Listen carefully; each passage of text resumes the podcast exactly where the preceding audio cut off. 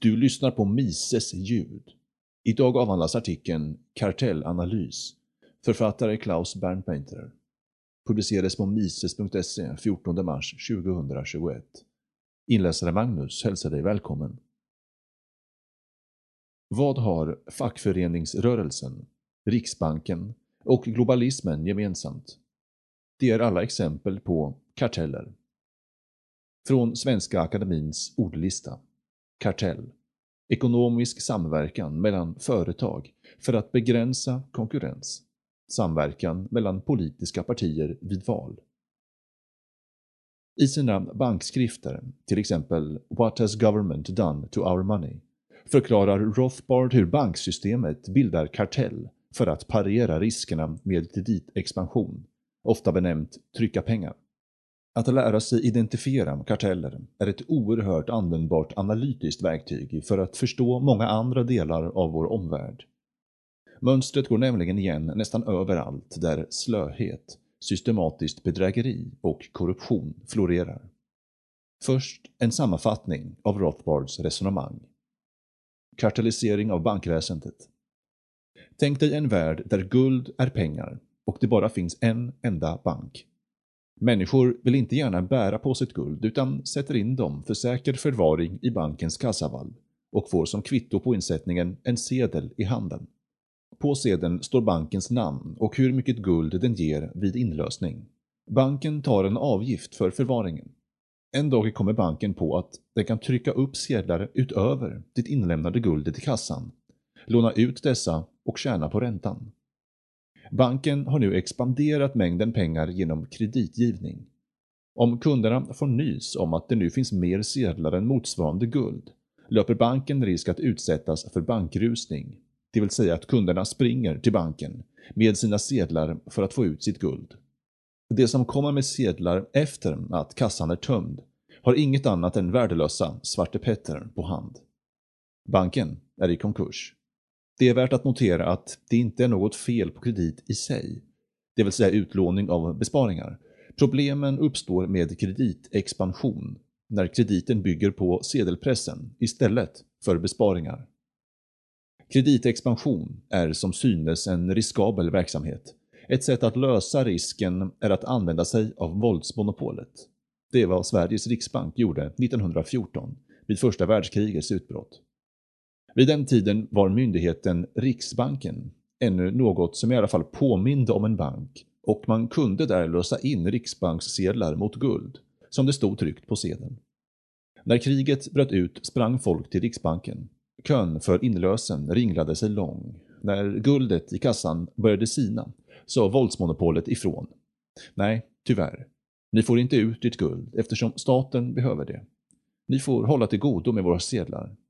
Bankrusningen var avvärjd, med hot om våld. Man muckar inte med våldsmonopolet.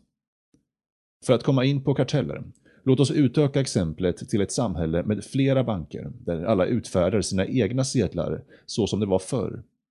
Bankerna vill gärna trycka extra sedlar och låna ut mot ränta, men hålls i schack av risken för bankrusning.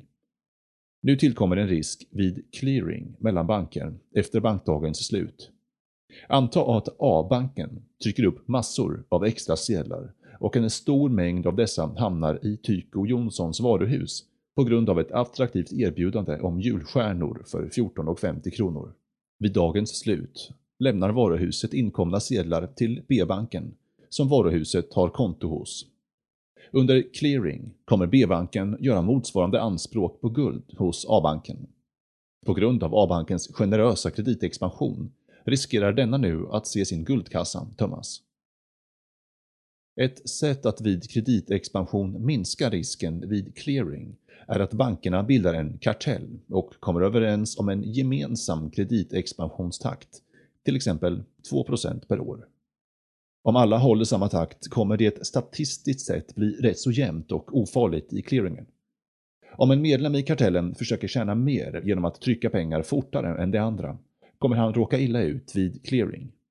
Risken för kartellen är däremot om en medlem inte expanderar i samma takt som de andra, eftersom han då kommer börja samla på sig guld från konkurrenterna. Denna frestelse gör att karteller till sin natur är instabila. Det råder en ständig risk att mer konkurrenskraftiga medlemmar inser att de klarar sig bättre utan kartellen. Till exempel genom att vara en hedligare bank och inte trycka lika mycket pengar. Eller sälja mer olja genom att sälja under kartellpriset. Bankreglementen och centralbank håller ihop kartellen. För att karteller ska hålla ihop behöver man någon slags externt tvång eller starka incitament som belönar det lydiga och straffar det osolidariska. För bankväsendet utgörs tvånget av oktrojen, banktillståndet, och incitamenten att lyda kommer ifrån centralbanken. Det är centralbanken som sätter expansionstakten med sitt inflationsmål, sina räntebeslut, subventionerade lån till bankerna och systematiska manipulationer av lånemarknaden. Bankkartellen kan nu åtnjuta synkroniserad kreditexpansion till minimal risk under våldsmonopolets beskydd. Bräckliga sammanslutningar för konkurrenströtta.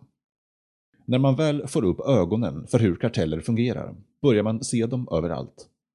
Karteller är bekväma sammanslutningar för lata förlorare, bedragare och aktörer med dåligt självförtroende som riskerar att konkurreras ut inifrån eller utifrån av smartare, duktigare och hårdare arbetande aktörer. Karteller missgynnar utveckling, välståndsutveckling och skapar oförtjänta fördelar för de sämsta. På grund av sina inbyggda motsättningar brukar karteller vara svåra att upprätthålla utan våldsmonopolets och lagstiftningens hjälp. Den internationella bankkartellen. Det som gäller bankerna nationellt gäller även på internationell nivå.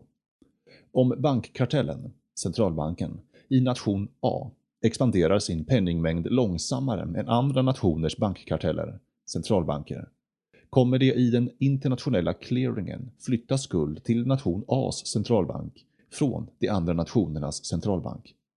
Härav statens intresse för handelsbalansen, som egentligen är ekonomiskt ointressant. Om vi importerar mer än vi exporterar flyter det ut reserver ur bankkartellen. Nu för tiden är reservvalutan inte guld utan amerikanska dollar, men principen är densamma. Det handlar om att inte förlora kassan när man ägnar sig åt kreditexpansion. Den globala kartelliseringen mellan centralbanker upprätthålls med organ som IMF och BIS. Genom internationell synkronisering möjliggörs en kontinuerlig global kreditexpansion och systematisk utsugning av världens arbetare till minimal risk. Den globala skattekartellen, OECD. Välfärdsstater vill beskatta sina medborgare maximalt för att kunna köpa röster med välfärdsprogram. Stater med lägre skatt är ett problem för välfärdsstaterna eftersom de attraherar företag, intelligens och investeringar. För att motverka detta har OECD en svart lista över så kallade skatteparadis det vill säga osolidariska stater som har gett sina medborgare friheten att själva lösa sin välfärd på den fria marknaden istället för genom statliga vårdcentraler. De stater som har för låg skatt, för OECDs medlemmars tycke, blir utfrysta från internationella ekonomiska transaktioner. EU är en kartell för feta välfärdsstater när Storbritannien bröt sig ur EU-kartellen försökte Bryssel binda dem vid samma skatter och konkurrenshämmande regler som gäller inom EU. De är livrädda att Storbritannien i allmänhet och London i synnerhet ska bli ett Singapore on the Thames och därmed påminna de andra kartellmedlemmarna om att en högre grad av frihet ger högre välstånd. Storbritannien har efter utträdet visat på en hel del kreativitet att ta sig runt EUs pålagor med nya skattesänkningar och frihamnar och attraherar allt mer utländskt kapital. Facket och andra vardagskarteller. Fackföreningar är karteller. Det finns inget principiellt fel i att arbetare går samman och förhandlar en gemensam lön den som är bättre än genomsnittet har dock inget att vinna på det och tjänar på att inte vara med i den fackliga kartellen. Osolidariska arbetare håller man i schack genom att kräva att arbetsgivare betalar lön enligt kollektivavtal och inte efter individuell prestation. Facket har våldsmonopolets välsignelse att trakassera företag som vill undvika kollektivavtal. Facket är en kartell som gynnar de sämsta arbetarna på bekostnad av de duktiga. Konsumentskydd är en typ av kartellisering som gör det möjligt för stora tillverkare med stora lobbymuskler att skydda sig från uppstickare genom att lobba fram lagkrav på kostsamma stämplar och godkännanden. Legitimeringar är också konkurrensskyddande karteller. Krav på legitimation för läkare, lärare, finansfolk, advokater, motorsågskörkort, handledarkurs för övningskörning med mera håller uppe löner och avgifter till onaturliga nivåer. Att de sämre skickade och korrumperade strävar efter karteller, där man kan hålla de duktiga på mattan, är naturligt. Och det är också detta som är drivkraften bakom globalismen. Den möjliggör global utsugning och kontroll genom att ingen ska komma undan och visa att en annan värld är möjlig. Vilka karteller ser du omkring dig?